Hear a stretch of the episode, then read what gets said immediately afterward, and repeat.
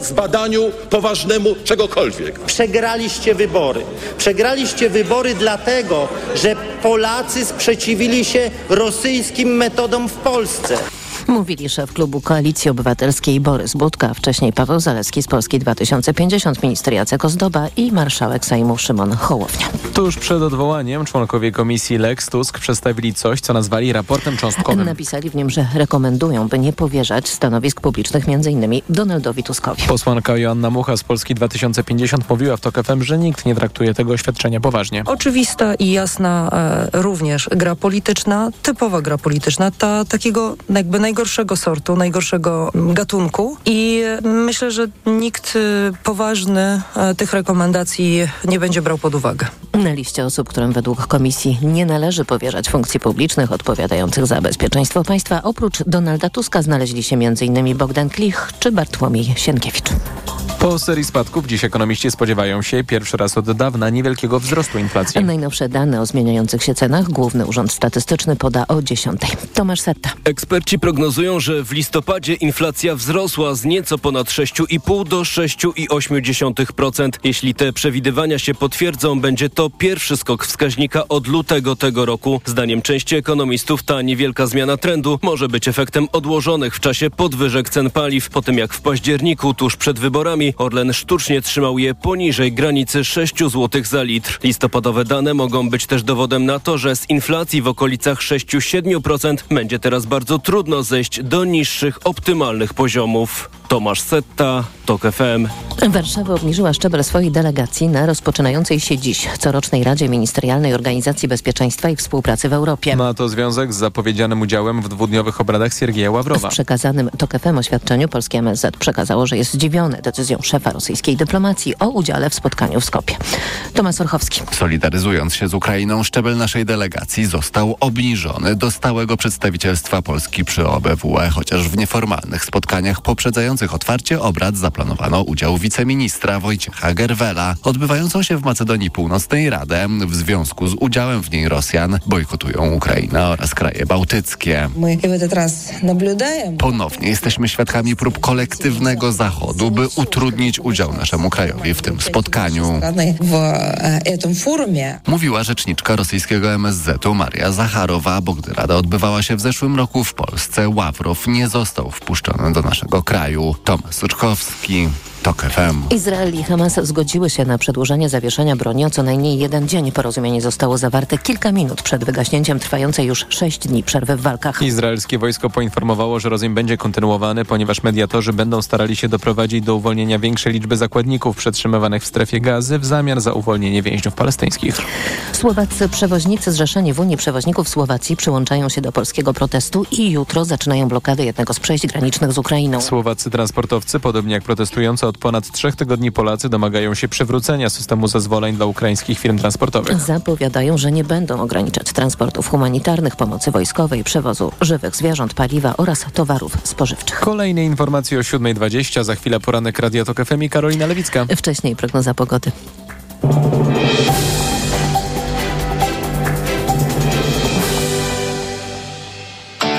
Sponsorem programu jest dystrybutor brytyjskich kamer samochodowych www.nextbase.pl Pogoda. Sporo chmur dziś w całym kraju. Opadów śniegu spodziewajmy się przede wszystkim na zachodzie i w górach. Minus 2 stopnie w ciągu dnia dziś w Białymstoku, minus 1 w Szczecinie i Lublinie, 0 w Poznaniu, Warszawie i Rzeszowie, 1 stopień powyżej, 0 w Łodzi, Krakowie, Katowicach i Wrocławiu.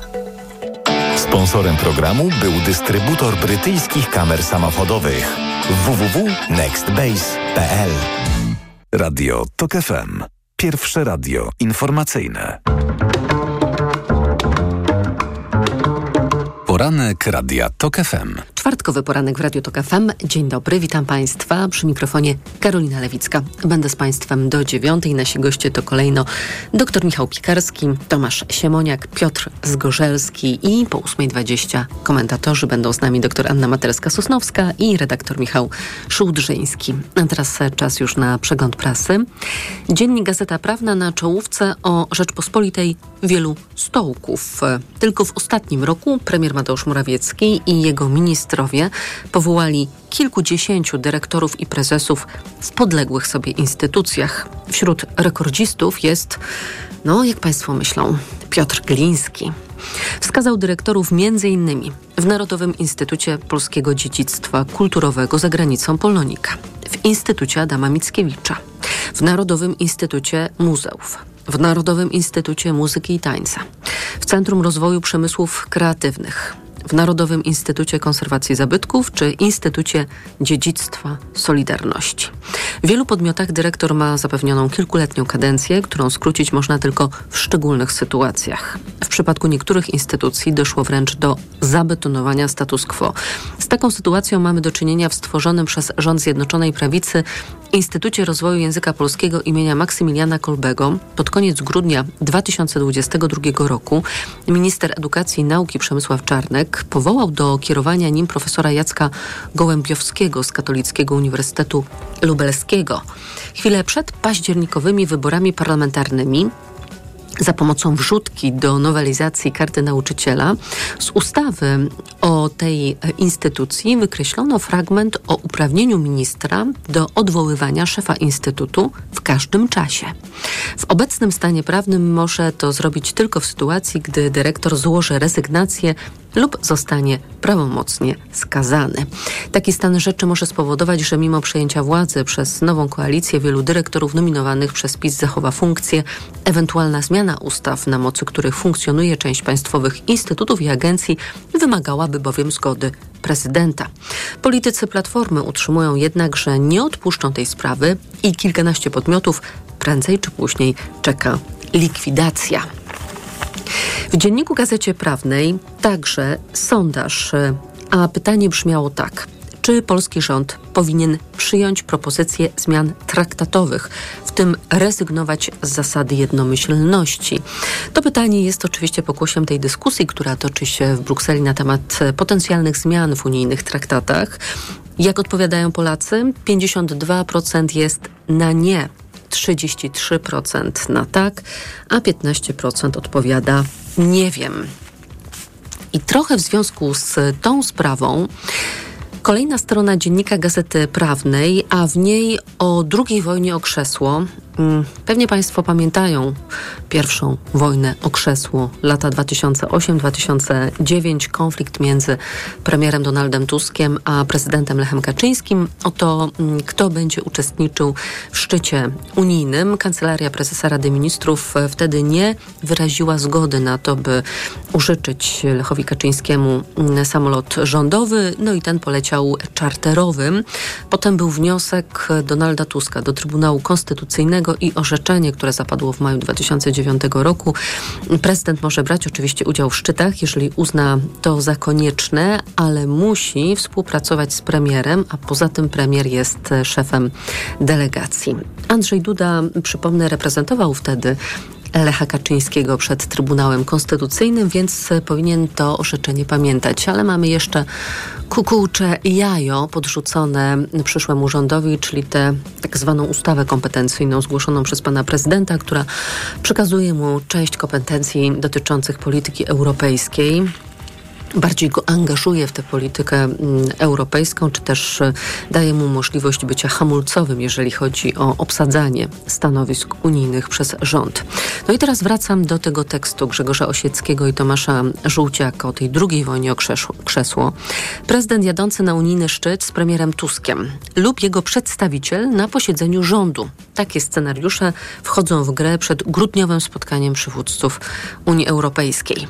Pałac Prezydencki uważnie śledzi, czy i kiedy na agendzie najbliższego lub kolejnych unijnych szczytów pojawi się temat kontrowersyjnych zmian w traktatach, bo od tego zależy, jak bardzo głowa państwa zaangażuje się w cały proces i skomplikuje życie premierowi INSPE Donaldowi Tuskowi. No bo jak państwo wiedzą, zmiany w tych traktatach y, już dały Prawu i Sprawiedliwości przyczynek do suflowania takiej opowieści o tym, że za chwilę Bruksela razem z Berlinem, rzecz jasna, odbierze nam suwerenność, niepodległość, staniemy się znowu kolonią, kolonią niemiecką, unijną albo jakąś inną. Ale wracając do tekstu, wciąż nie jest pewne, czy na szczyt Rady Europejskiej 14-15 grudnia uda się już Donald Tusk jako premier, no bo 11 grudnia wieczorem, zapewne po ekspoze Morawieckiego i nieuzyskaniu przeceń wotum zaufania, Andrzej Duda mógłby mm, zaprzysiąc ten nowy rząd w tym drugim kroku konstytucyjnym, ale Andrzej Duda wtedy wybiera się do Szwajcarii na spotkanie w jednej z agent ONZ. Wraca na zajutrz wieczorem, więc o ile nie zmieni planów, do zaprzysiężenia rządu Tuska mogłoby dojść 12 grudnia wieczorem albo 13 grudnia, na dzień przed szczytem. Wyjazd Dudy na ten grudniowy szczyt z Tuskiem lub bez niego. Jest w tej chwili traktowany przez pałac jako polityczna ostateczność. Na tę chwilę bardziej realny wydaje się wariant, w którym przedstawiciel pałacu bierze udział w posiedzeniu rządu, na którym będzie wypracowywane stanowisko polskiej delegacji. Mm, obecna może być albo szefowa kancelarii prezydenta Grażyna Ignaczak-Bandych, albo szef gabinetu głowy państwa Marcin Mastalerek. Ostatecznie i tak rząd przyjmuje stanowisko, jednak przedstawiciel głowy państwa może wnosić swoje uwagi. Prezydent mógłby powoływać się potem na to w relacjach z rządem i w komunikacji z opinią publiczną. Słyszymy od naszego rozmówcy. No bo oczywiście właśnie o to chodzi, żeby zbudować jakąś swoją legendę, mit założycielski i tak dalej. Z ciekawostek to Rzeczpospolita do tej pory, Szanowni Państwo, za czołowego rekonstruktora systemu słusznie minionego uchodził Jarosław Kaczyński, ale ma poważną konkurencję, bo to została zarejestrowana przez Warszawski Sąd Okręgowy partia PRL i jak pisze Wiktor Ferfecki w Rzeczpospolitej, cytując Włodzimierza Gorki, współzałożyciela partii Polski Ruch Lewicowy, w skrócie PRL, dyskutowaliśmy na temat naszej nazwy, zastanawialiśmy się, czy nie utrudni ona rejestracji w sądzie. Uznaliśmy jednak, że się na nią zdecydujemy ze względu na prosty fakt. Może nie wszystkim PRL kojarzy się dobrze, ale jednak większość osób, która żyła w tym okresie, nie ma do niego złego stosunku. Tak mówi współzałożyciel partii PRL. Socjolog profesor Jarosław Flis mówi, że szanse PRL nie będą wysokie z uwagi na demografię. Elektorat tęskniący za PRL-em jest po prostu coraz mniej liczny, a już teraz na emeryturę przechodzą ci, którzy pod koniec tego okresu mieli 30 lat. Gazeta Polska codziennie. Szanowni Państwo, mm, żadna gazeta nie zdążyła, ale Gazeta Polska codziennie jak najbardziej, nie tylko czołówka i zdjęcie Tuska z Putinem, jak żeby inaczej. Bardzo często ta fotografia pojawia się na okładce Gazety Polskiej codziennie, a w środku obszerny, aż dwustronicowy tekst z wczorajszego wydarzenia popołudniowego, czyli na godzinę przed tym, jak rozpoczynał się w Sejmie blok głosowań, w którym to bloku głosowań miano też odwołać członków komisji badającej wpływy rosyjskie w Polsce, to wyszli członkowie właśnie mm, Komisji do Spraw Badania Wpływów Rosyjskich w Polsce i ogłosili, że Tusk, Cichocki, Klich, Siemoniak, Sienkiewicz pozwalali rosyjskim służbom na rozpracowywanie Polski.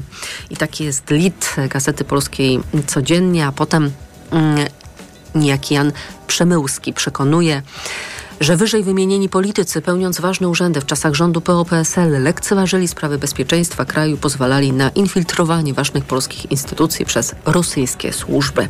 O tym wszystkim, co wczoraj wydarzyło się mm, w Sejmie i przed wydarzeniami sejmowymi, porozmawiamy z Tomaszem Siemoniakiem.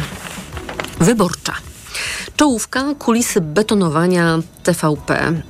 Malutki wstępik, żeby wszyscy byli mm, w temacie.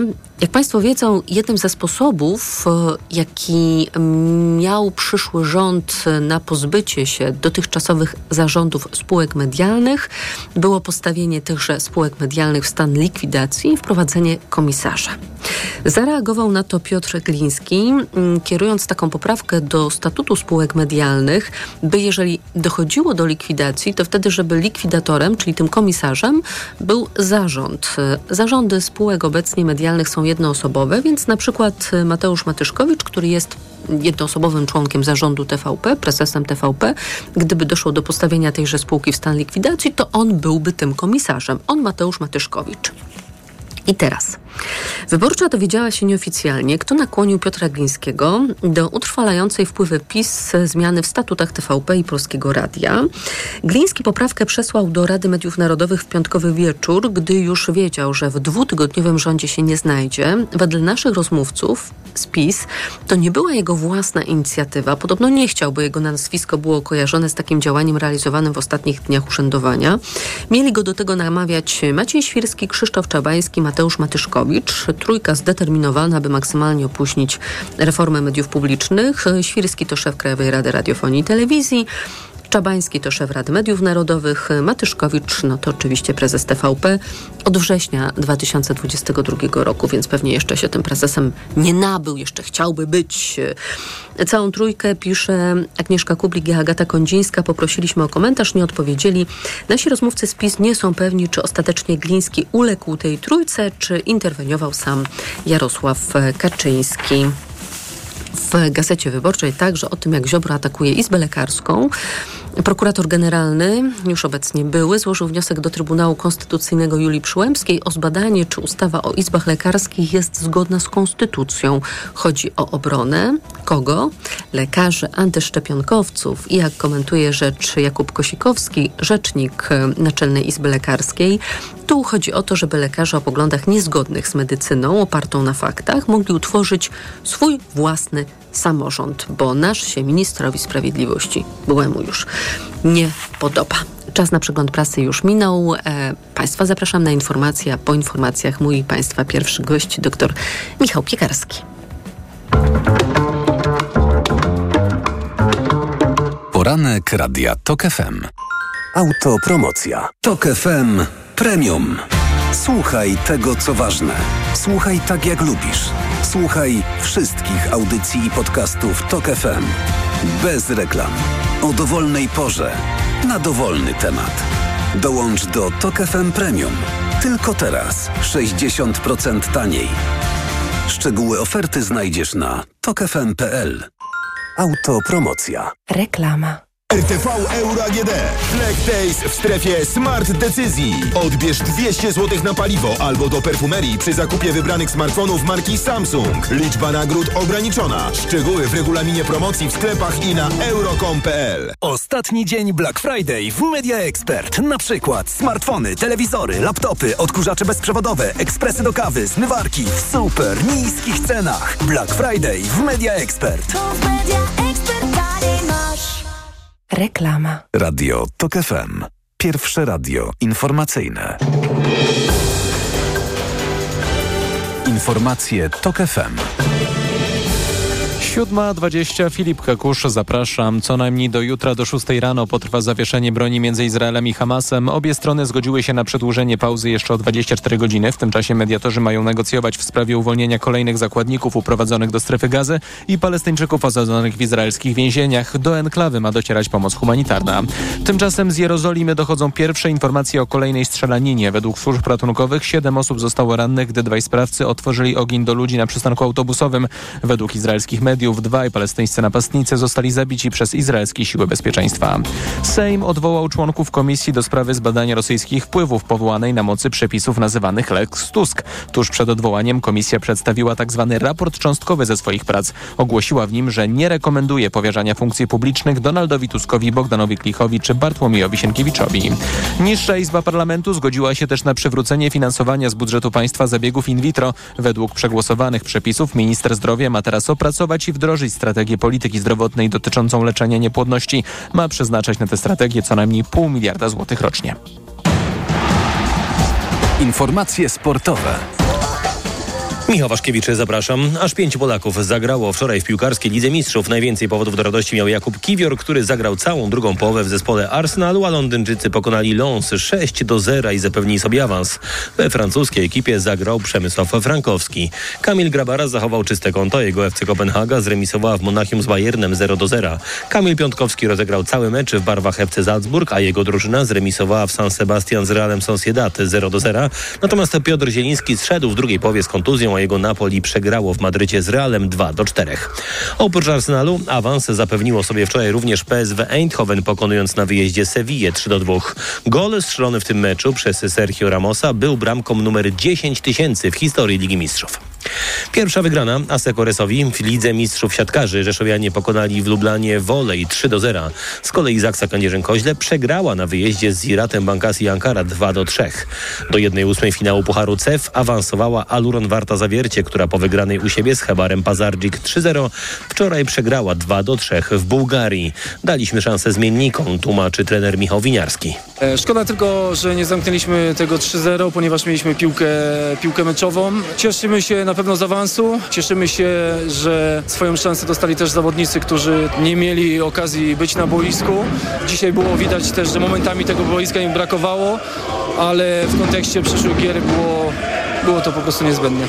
Blisko awansu do ćwierćfinału Pucharu CEF Siatkarek jest Chemik Police, który w pierwszym meczu polskiego pojedynku pokonał Bostik Bielsko-Biała 3 do 0, a w Lidze Mistrzyń PGE Rysice Rzeszów przegrały z Imoko Wolej Koneliano 1 do 3. Polskie piłkarki ręczne rozpoczynają dziś grę na Mistrzostwach Świata. Na początek fazy grupowej zagrają w Herning z Iranem mecz o 20.30. Turniej ruszył wczoraj. Broniące tytułu Norweżki rozgromiły Grenlandię 43 do 11. Norweskie biatlonistki wygrały w szwedzkim Estersund pierwszą w tym sezonie Pucharu Świata sztafetę 4 razy 6 km. Drugie miejsce zajęły Szwedki, a trzecie Niemki.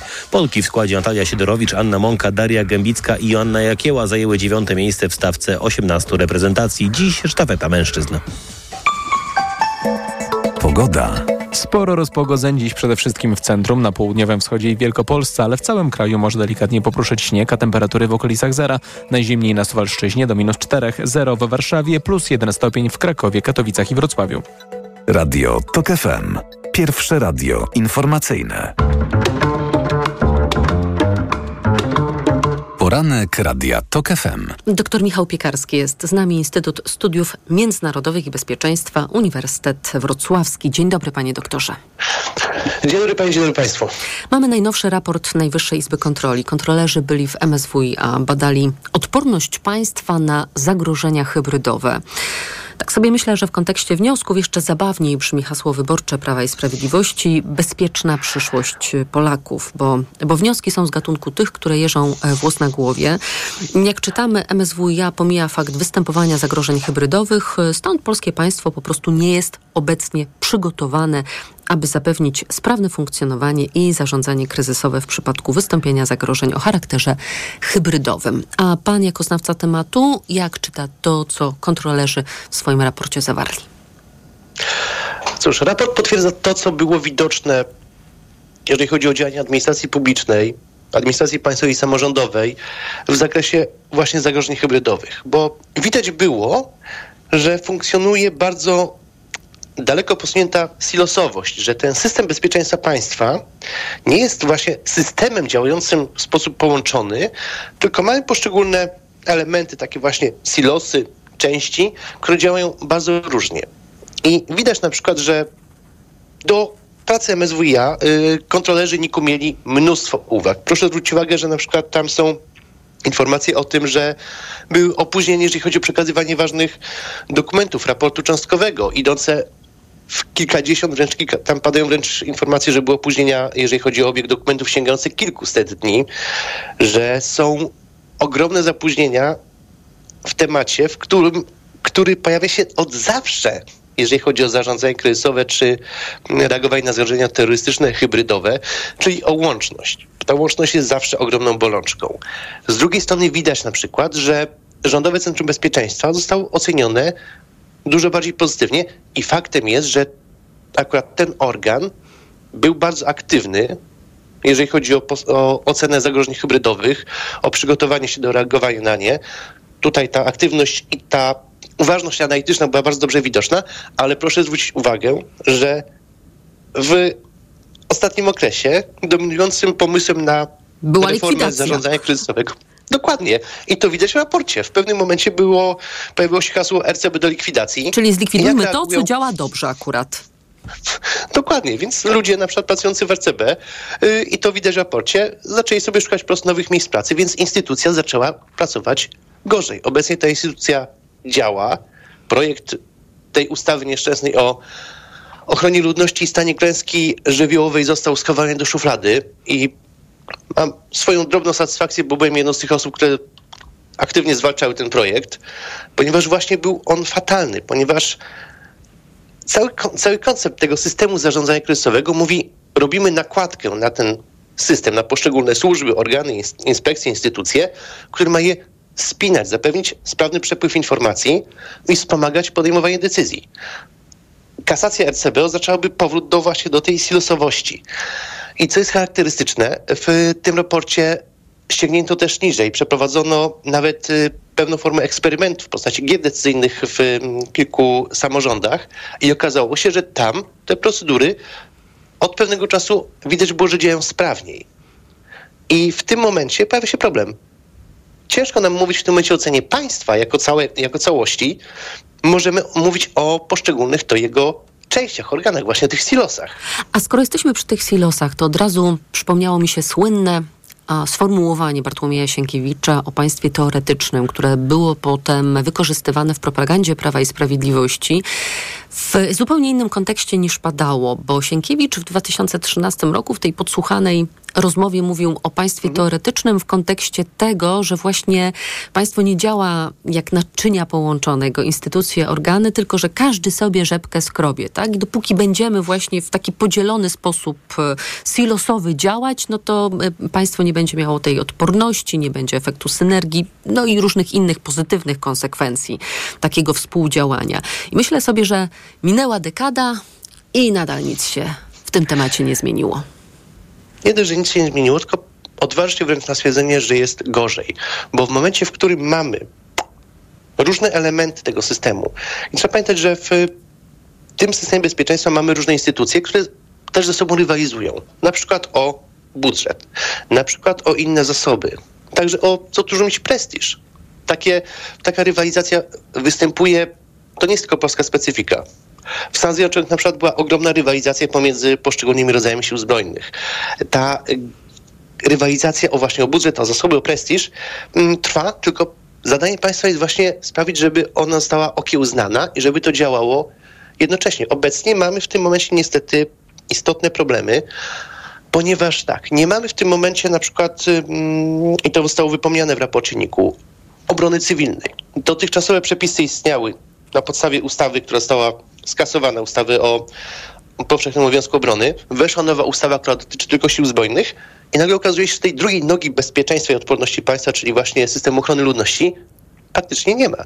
Mamy, przepraszam co słowa, mamy w tym momencie mamy takie wręcz protezy, czyli właśnie samą ustawę o zarządzaniu kryzysowym, mamy ustawę tutaj antyterrorystyczną, mamy przepisy dotyczące działań ratowniczo-gaśniczych, i ewentualnie możemy ratować się tymi przepisami albo wręcz działaniami doraźnymi. I to też nikt pięknie mm, wypunktował, kiedy wprowadzano stan wyjątkowy na granicy mm, polsko-białoruskiej, pominięto procedurę wprowadzenia tego stanu wyjątkowego która jest w Krajowym Planie Zarządzania Kryzysowego. Więc yy, i widzimy także w innych elementach tego yy, systemu bezpieczeństwa państwa właśnie taką daleko posuniętą silosowość i podejmowanie decyzji dotyczącą tylko pewnych fragmentów. No, czyli klasyczne tutaj... polskie, jakieś, jakoś to będzie, tak? E, ja z synowcem na czele, jakoś to będzie. A przy okazji też chcę pana zapytać, mm, chociaż już przeszliśmy od tego szczegółu do ogółu, ale Dorzucę jeszcze takie dwa szczegółowe wydarzenia, bo poznaliśmy też ostatnio raportniku dotyczący afery zbożowej. Konkluzje były takie, że zignorowano pierwsze symptomy kryzysu, że nie było analiz, nie było planowania, nie było długoterminowej perspektywy, a te działania, które w końcu zostały podjęte, były oczywiście w związku z tym działaniami spóźnionymi. Ostatnio też to publikacją netu dowiedzieliśmy się, że chyba nie wyciągnięto żadnych wniosków po katastrofie smoleńskiej, a wcześniej katastrofie kasy, bo tak, w maju 2021 roku uszkodzony samolot został wysłany do Francji. O usterce nie wiedziała ani załoga, ani rządowa delegacja. Inny przykład, naprawiając rządowy samolot, technicy nie, na, nie założyli nowych pierścieni uszczelniających, tylko zużyte wzmocnili drutem. I maszyna została dopuszczona do lotu nad Atlantykiem. I pomyślałam sobie, że w tych szczegółowych sprawach zamykają się te nasze generalne problemy, o których już tutaj mówiliśmy, czyli brak rozwiązań systemowych, doraźność działań, gaszenie pożarów, brak działań prewencyjnych, brak strategicznego planowania. Czy my tego nie potrafimy? E, Mam wrażenie, że tutaj brakuje bardzo mocno. Nie chciałbym się odnosić bezpośrednio do tych mm, zarzutów. One są bardzo poważne, ale y, tutaj czynności już podjęła żandarmeria. Tą sprawą zajmie się też y, z tego, co już informowały media Sejmowa Komisja Obrony Narodowej. Ale to, o czym pani wspomniała, były symptomy jakiegoś zagrożenia, jakiegoś problemu. Prawdopodobnie były jakieś ostrzeżenia, a potem okazywało się, że nikt z tym nic nie robił. To jest historia, którą słyszę praktycznie odkąd zajmuję się bezpieczeństwem, czyli od lekko licząc 20 lat. Ale to też jest kwestia tego, że pojawia się w tym momencie pytanie o kulturę bezpieczeństwa, bo znowu nie mm, odnosząc się bezpośrednio do zarzutów na przykład Onetów ym, w przypadku tej bazy lotnictwa transportowego, ale nie bez powodu w lotnictwie cywilnym przez ostatnie kilkadziesiąt lat zbudowano bardzo silną tak zwaną kulturę bezpieczeństwa, sprowadzającą się na przykład do tego, że jeżeli ktoś w kabinie załogi, nawet jeżeli to jest osoba starsza funkcja, na przykład kapitan, robi coś źle, to ta druga osoba, która często gęsto jest mm, osobą o niższym stażu, młodszą, czyli, na, czyli drugi pilot, ma obowiązek zwrócić uwagę, że coś tu jest nie tak. Ma obowiązek komunikować się w sposób, który będzie jasny i zrozumiały. Mm, Nie bać się konsekwencji. W lotnictwie mieliśmy takie katastrofy, gdzie na przykład okazywało się, że czynnik ludzki był tym decydującym. W Polsce mamy problem, ponieważ yy, na przykład uogólniając, przyznanie się do błędu albo raportowanie błędu nie jest postrzegane jako działanie prewencyjne, tylko jako Albo naprawcze. pis- tak, dokładnie, jako w tym momencie na zasadzie zrobiłeś błąd się przyznałeś, a to teraz zrobimy to postępowanie dyscyplinarne, bo w końcu przyznałeś się do błędu. Czyli zamiatamy pod dywan. Oczywiście. I najprościej jest w tym momencie y, często. Często spotykam się z taką opinią, że najprościej na przykład awansować nie robiąc nic, bo kto nic nie robi, nie popełnia błędu. No, to bardzo sprytna strategia. A w ogóle tak sobie myślę, to jeszcze jedna rzecz i jeden wątek, bo w 2018 roku PiS stworzył Centrum Analiz Strategicznych, to się teraz nazywa Rządowe Centrum Analiz i to też zapowiadano, że to będzie taki mózg państwa, a potem się okazało, że to jest jednostka, która przede wszystkim bada za publiczne pieniądze elektorat e, po to, żeby Prawo i Sprawiedliwość mogło utrzymać e, władzę. No i właśnie nie ma takiego mózgu państwa. Właśnie, takiego jednego, jednego centrum niestety nie ma. Natomiast dobrą rzeczą jest to, i tu znowu wracam do silosowości, że są na przykład takie mm, komórki państwowe, gdzie ten zmysł analityczny i to postrzeganie zagrożeń jest y, bardzo wysokiej jakości, tylko pojawia się problem w tym momencie, jak te wnioski, jak te informacje będą przepływać dalej, bo na przykład mamy fantastyczne analizy dotyczące sytuacji międzynarodowej z mm, Polskiego Instytutu Spraw Międzynarodowych, ale jak często osoba, która na przykład jest y, odpowiedzialna za zarządzanie kryzysowe w powiecie, w gminie, czyta te dokumenty, jak często te, y, tego typu syntezy są rozpowszechniane w tym aparacie bezpieczeństwa państwa. I to znowu w tym mm, raporcie NIK widać, ten przepływ informacji jest często nie tak efektywny, jaki powinien być. Ta świadomość tych zagrożeń nie jest tak y, silna, jak powinna być w naszej sytuacji. To wszystko jest bardzo um, przykre, co pan mówi i niestety jakoś nie widać e, światełka w tunelu. No chyba, że na poziomie gmin, jeżeli wrócimy do e, tej odporności na zagrożenia hybrydowe, bo okazuje się, że na tym poziomie właśnie coś może dobrego się zadziać. Doktor Michał Piekarski, Instytut Studiów Międzynarodowych i Bezpieczeństwa, Uniwersytet Wrocławski był moim państwa gościem. Dziękuję za rozmowę. Dziękuję pani, dziękuję państwu. Informacje. Poranek Radia TOK FM. Autopromocja. Niedorzecznik. Nowy serial radiowy TOK FM. Zaprasza Michał Janczura. Ten serial ma pokazać, co się dzieje, gdy na stanowisko rzecznika praw dziecka trafia osoba, która najczęściej broni interesów dorosłych i jednej partii. Gdy zamiast dobrem dziecka rzecznik kieruje się ideologią i jak wielką krzywdę można wyrządzać po prostu milcząc wtedy, gdy w obronie dzieci trzeba krzyczeć. Niedorzecznik. Tylko w TOK FM Premium. Posłuchaj na tokefm.pl ukośnik rzecznik lub w aplikacji mobilnej. TOK FM. Autopromocja. Reklama. RTV Euro AGD. Uwaga! Jeszcze tylko dzisiaj wielki finał Black Friday Weeks. Tysiące okazji i dodatkowo aż dwie raty gratis. Suszarka Bosch, pompa ciepła, 8 kg. Najniższa teraz ostatnich 30 dni przed obniżką to 2399. Teraz za 1949 zł. I do kwietnia nie płacisz. 30 rat 0%. RRSO 0%. Szczegóły i regulamin w sklepach i na euro.com.pl 10 tysięcy pomysłów na prezent na dziesięciolecie targów rzeczy ładnych. Ceramika, meble, plakaty, wellness, 300 wystawców, 50 ikon targów rzeczy ładnych i najlepszy polski design. Już 2-3 grudnia na TRE Zima. Expo 21, ulica Prądzyńskiego 12 przez 14, Warszawa. Jako dietetyk na wątrobę zawsze polecam Proliver, ponieważ zawiera składniki wspierające właściwą pracę wątroby. Często ze względu na dietę, wiek czy masę ciała zwracam uwagę na poziom cukru we krwi. Wtedy proponuję nowość Proliver Diabeto. Suplement diety Proliver Diabeto dba o wątrobę a dodatkowo zawiera wysoką dawkę morwy białej, która przyczynia się do utrzymania prawidłowego poziomu cukru. Stosując Proliver Diabeto osiągamy obie te ważne korzyści. Proliver Diabeto, zdrowa wątroba i prawidłowy poziom cukru. Aflofarm. Wyciąg z liści karczocha wspiera utrzymanie zdrowej wątroby. Przyjmuję dwa razy w weekend, w sobotę i niedzielę od 16 w Radiu TOK FM. No. Na wizytę u doktora zaprasza Ewa Podolska. I zdrowia życzę. Sponsorem programu jest suplement diety Vivomix. Probiotyk o dużej sile działania.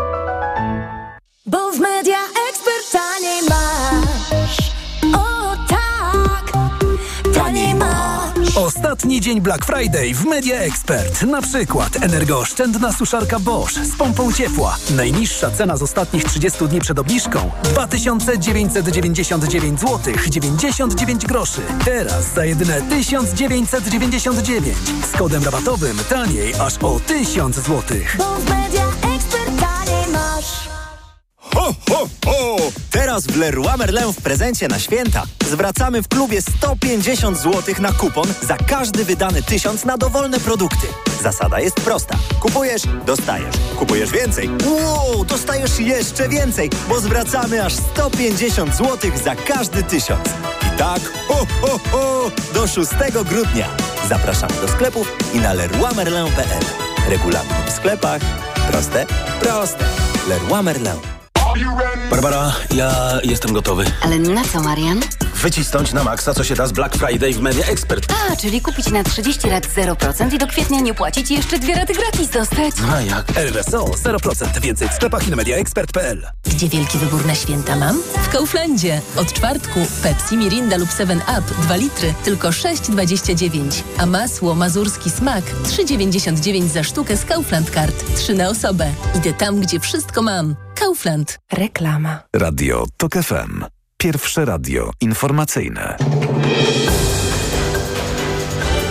Informacje TOK FM.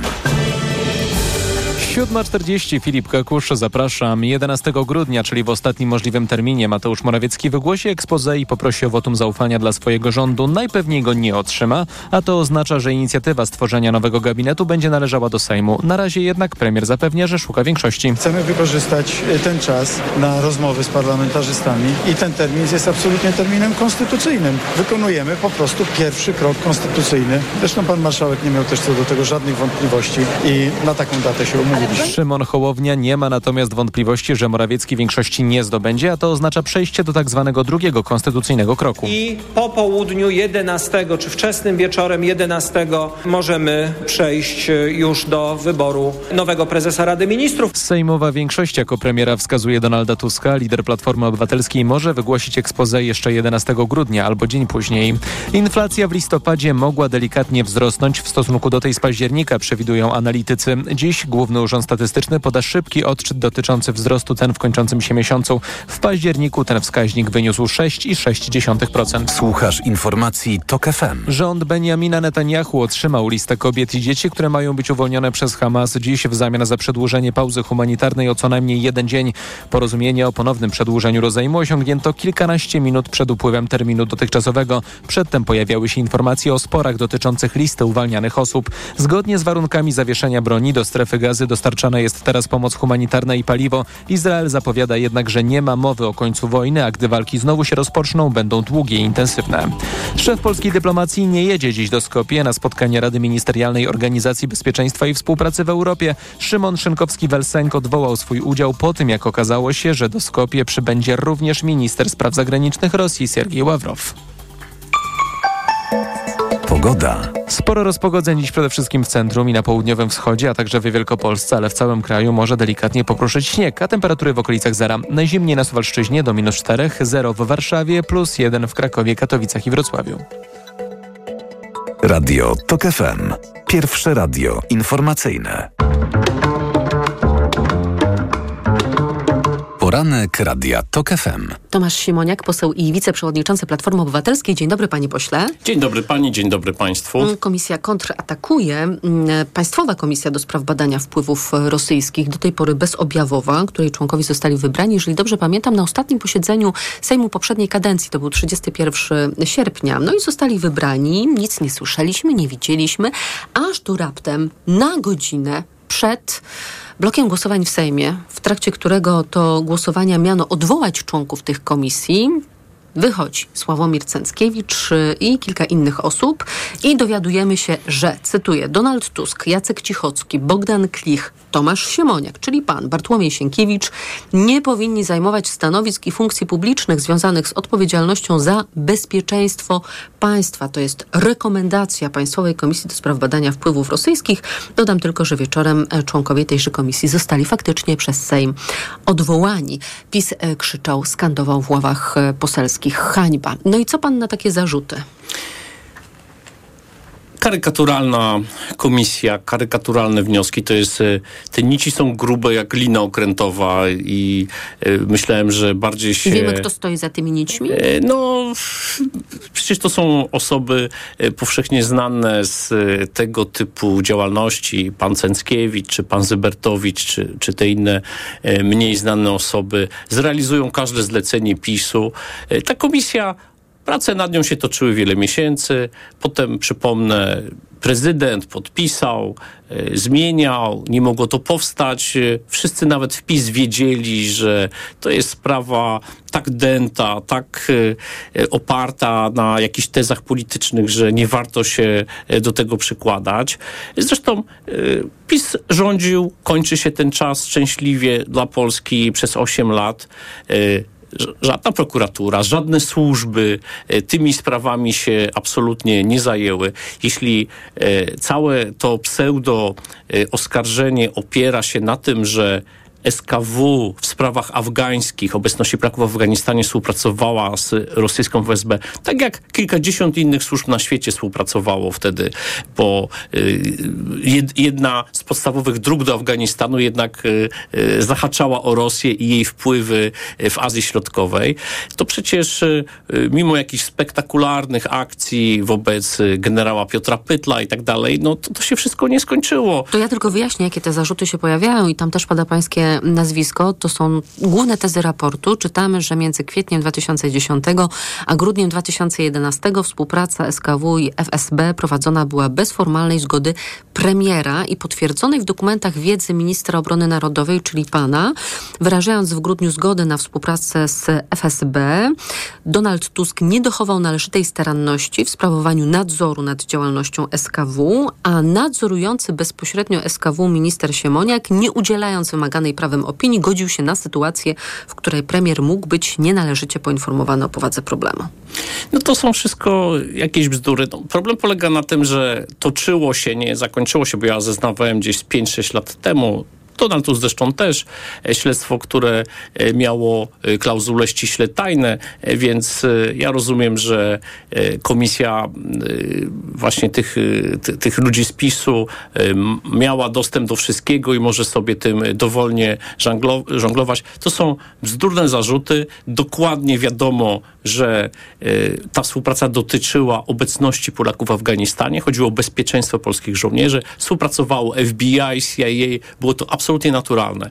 I e, istotą działalności służb specjalnych jest to, że w interesie Polski powinny nawet z diabłem współpracować. Robienie z tego jakichkolwiek zarzutów jest po prostu no, takim działaniem, takim, ma to, ma to w pisie tradycję. Osłabianie polskich służb, osłabianie polskiej pozycji, a tutaj takie bym powiedział żenujące, no bo y, jakoś prokuratura nic z tym nie zrobiła przez 8 lat, czy jakieś służby. Pan Cęckiewicz z panem Zybertowiczem, aparatczycy y, mentalni PiSu na sam koniec wychodzą i parę godzin przed odwołaniem, uprzednio y, pobrawszy jakieś dziesiątki tysięcy złotych wynagrodzeń za ten czas, ogłaszają, że lider opozycji, lider zwycięskiej opozycji nie może sprawować swojej funkcji. Przecież to jest y, tak żałosne, tak słabe, że nie wiem, kto jest w stanie się na to nabrać. A że w PiSie wstają, Elektorat biją brawo, tak, wstają, biją brawo i się, i się z tego cieszą, no są po prostu przegranymi ludźmi i y, niewiele radości już im pozostało. Ale Bić brawo Cęckiewiczowi ja to jest tyle, na co stać PiS w tym momencie i po prostu, no, by, było to y, no, żałosne po prostu. Ja siedziałem w Sejmie, y, nic mnie nie obchodzi jakiś stan uczuciowy PiSu, ale było to tak żałosne, y, że Jarosław Kaczyński, ci odwołani ministrowie stają i muszą bić brawo pseudokomisji, która była takim potworkiem legislacyjnym, naruszając w każdym artykule przepisy konstytucyjne. No, wszyscy wiedzieli, że to po prostu jest tylko i wyłącznie do propagandy. Źle się zaczęło, nic się nie działo, potem źle się skończyło. A ja widziałam po raz pierwszy uśmiech na twarzy Jarosława Kaczyńskiego. To było wtedy, kiedy przemawiał premier Morawiecki, kiedy bronił tej komisji z mównicy sejmowej. To tak zupełnie na marginesie. Mm, A co zrobi z tymi rekomendacjami e, pan prezydent? Tak się zastanawiam, bo przecież Donald Tusk ma zostać e, premierem. Pan jest typowany na ministra koordynatora służb specjalnych. Bartłomiej Sienkiewicz e, prawdopodobnie trafi do e, Ministerstwa Kultury. No i co? I co pan prezydent wyjdzie i powie, no ja nie mogę zaprzysiąc. Ja sądzę, że ten pseudoraport zakończy swój żywot gdzieś e, e, na weekendowych e, programach publicystycznych, że to przecież jest tak niepoważne, e, że... Myśli pan, że Andrzej Duda nie będzie się do niego No, odnosił no, w ogóle? No, no jak? No po prostu y, Sejm zdecyduje, Donald Tusk zostanie premierem. Jest tutaj żelazna wola całej koalicji co do tego i teraz tracimy czas w jakimś takim żenującym spektaklu e, z takim A nie pseudorządem wyobraża pan sobie takiej sytuacji, że mamy tę uroczystość zaprzysiężenia rządu i wychodzi pan prezydent z okolicznościowym przemówieniem na tę okoliczność. No i nie jest oczywiście tak miło jak w przypadku zaprzysiężenia dwutygodniowego rządu Mateusza Morawieckiego, tylko właśnie pan prezydent całe swoje przemówienie poświęca temu, że no jest ten rząd. Ale co stoi za tym rządem? No to myśmy się dowiedzieli z tego ważnego stustronicowego raportu Komisji do Spraw Badania Wpływów Rosyjskich. To znaczy, co prezydent y, powie, tego nie wiem, natomiast nie wyobrażam sobie, żeby nie uszanował większości, żeby nie uszanował y, blisko 12 milionów głosów, które padły na demokratyczną większość. Y, więc y, jeśli, znaczy na, na, naprawdę, no nie mieści, ja różne rzeczy widziałem w życiu, natomiast prezy, prezydenta Dudę, który miałby powiedzieć, dostałem od Cęckiewicza i Zybertowicza ten raport i teraz Tusk czy inne osoby nie mogą pełnić funkcji państwowych w sytuacji werdyktu wyborczego 15 października, y, pozycji Donalda Tuska w Polsce i na świecie, niedawno potwierdzonej tym, że jest y, najważniejszym y, politykiem w Europie. To portal Politico cały świat widzi, tak, ranking. cały świat widzi, że Tusk jest tym politykiem, który maszerujący autorytaryzm i populizm w Polsce zatrzymał. To jest fenomen na skalę światową naprawdę. I oto jacyś opłacani sowicie przez ostatnie lata aparatczycy PiSu ogłaszają, nawet to nie są przecież posłowie, żadnego mandatu nie mają do tego, ogłaszają, że Donald Tusk nie może sprawować y, swojej funkcji. Na podstawie y, zerowych dowodów, na No ale podstawie... skąd ta wiara w Andrzeja Dudę? Przecież Ale Andrzej. Duda podpisywał tę ustawę. Oczywiście potem pod presją pewnie amerykańską. Tego na pewno nie wiem, ale prawdopodobnie tak było. Wycofywał się z tej ustawy w ten sposób, że ją nowelizował po czterech dniach, tak? Ale ja się jednak zastanawiam, bo pan mówi, no trudno sobie to wyobrazić, ale ośmiolecie rządów Prawa i Sprawiedliwości przyzwyczaiło nas do tego, by wyobrażać sobie niewyobrażalne. I bardzo wiele razy Prawo i Sprawiedliwość nas zaskakiwało. Być może faktycznie Andrzej Duda nie ma teraz w sobie takiej siły, żeby zaryzykować kryzys konstytucyjny, kryzys państwa taką decyzją, ale z pewnością będzie to wykorzystywane politycznie przeciwko państwu. No ale to przecież cały czas coś jest wykorzystywane przeciwko y, nam. Y, Donald Tusk był wściekle atakowany w kampanii wyborczej. y, Także takimi argumentami, jakimi się posługiwała ta pseudo, pseudokomisja, ale zdecydowali wyborcy. Blisko 12 milionów y, wyborców y, wyraziło swoją wolę i naprawdę to nie jest kwestia mojej wiary w prezydenta Dudę, choć ma, miał też, y, mówię tutaj o początku wojny, po napaści Rosji na Ukrainę, y, takie momenty, gdzie ja oceniłem go pozytywnie, jego działania. Ja nie jestem taką osobą, która chce z góry widzi wszystko jakoś tam czarno-białe. Natomiast y, uważam, że w takiej sytuacji prezydent doprowadzałby do ogromnego kryzysu, niewyobrażalnego kryzysu, jeśli miałby nie uszanować większości parlamentarnej, wyraźnej większości parlamentarnej, za którą stoją wybory o rekordowej frekwencji i 12 milionów Polaków, którzy czekają, aż ten rząd Donalda Tuska y, powstanie. Więc y, y, oczywiście zobaczymy. PiS pokazał y, różne działania przez ostatnie lata. Natomiast wydaje mi się, że PiS próbuje otrząsnąć się z szoku powyborczego i takie działania, y, właśnie ten pseudorząd Moraw- Morawieckiego z jego takim dziwacznym składem, czy owacje dla Cęckiewicza z Zybertowiczem, to są takie próby odbicia się od, y, od dna. Y, Mentalnie są w kampanii wyborczej, uważają, że to są jakieś poważne ruchy, a one po prostu nie są, one są karykaturalne. Gdyby w kampanii wyborczej to, to się zdarzyło, pewnie by miało jakąś wagę, tak? Pewnie PiS miałby jeszcze gorszy wynik, gdyby Cęckiewicz ogłosił, że Tusk nie może sprawować żadnych funkcji w kampanii wyborczej. Ogłaszają to teraz i ja sądzę, że y, ta sprawa pożyje kilka dni i y, być może w jakiejś retoryce prezydenta Dudy to się pojawi, ale przecież on dokładnie wie, że to są kompletne bzdury. Przez 8 lat swojej prezydentury miał y, możliwość dogłębnego sprawdzenia wszystkich elementów, wszystkich elementów tej sprawy. I, A co zrobicie w ogóle z tą komisją, która teraz jest, a jakoby jej nie było, bo w sumie to nie wiadomo. Komisja jest, bo jest ustawa powołująca komisję, ale nie ma członków ta komisja. Ta decyzja nie zapadła. Tutaj w gronie demokratycznej większości różne głosy się pojawiły, decyzji nie ma. Y, Widziałem wypowiedź marszałka Włodzimierza Czarzastego o tym, że być może ta komisja powinna dalej pracować.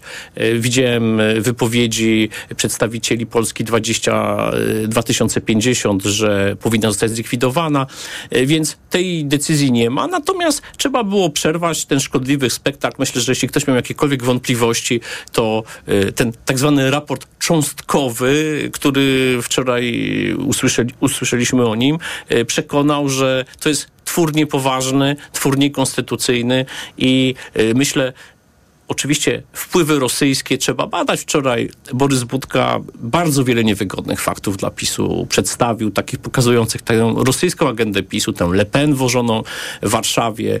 Ja mogę tutaj dorzucić jeszcze bardzo wiele rzeczy związanych z Macierewiczem. E, kongresmen Rob Baker, który prosto z Moskwy przyjechał do Macierewicza, wtedy ministra obrony, ten go zaprowadził do Kaczyńskiego.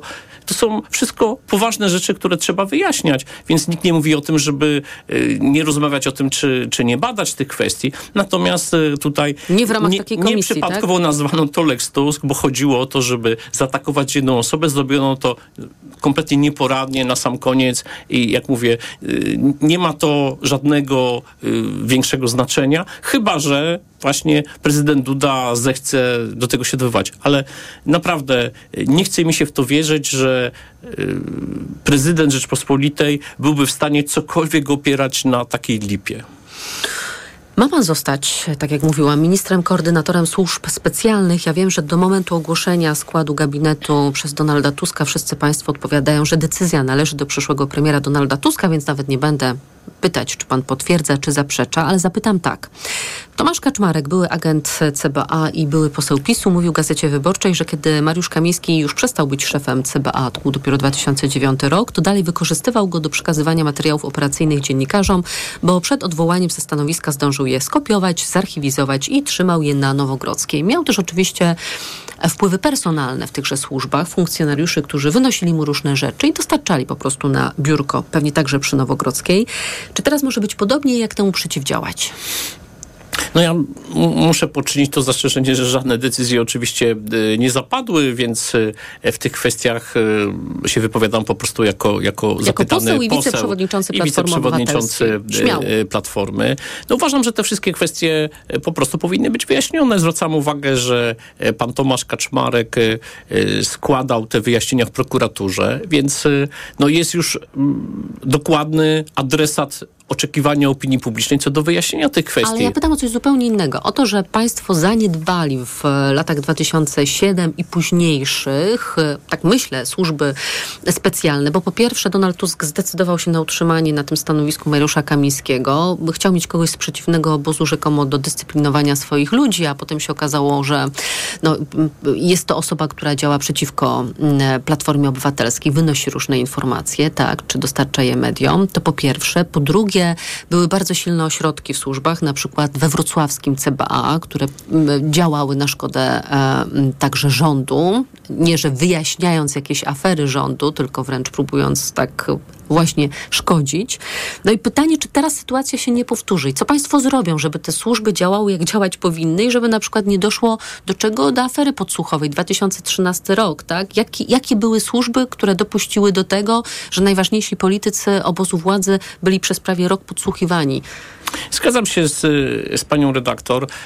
Oczywiście trzeba stworzyć takie mechanizmy i powołać takich ludzi, żeby tego rodzaju sytuacje się e, nie powtórzyły i e, tutaj nie ma co jakby specjalnie dywagować, bo e, to są tematy, które, no nawet książki napisano na ten temat, czy było bardzo wiele artykułów, natomiast służby specjalne w taki sposób nie mogą działać.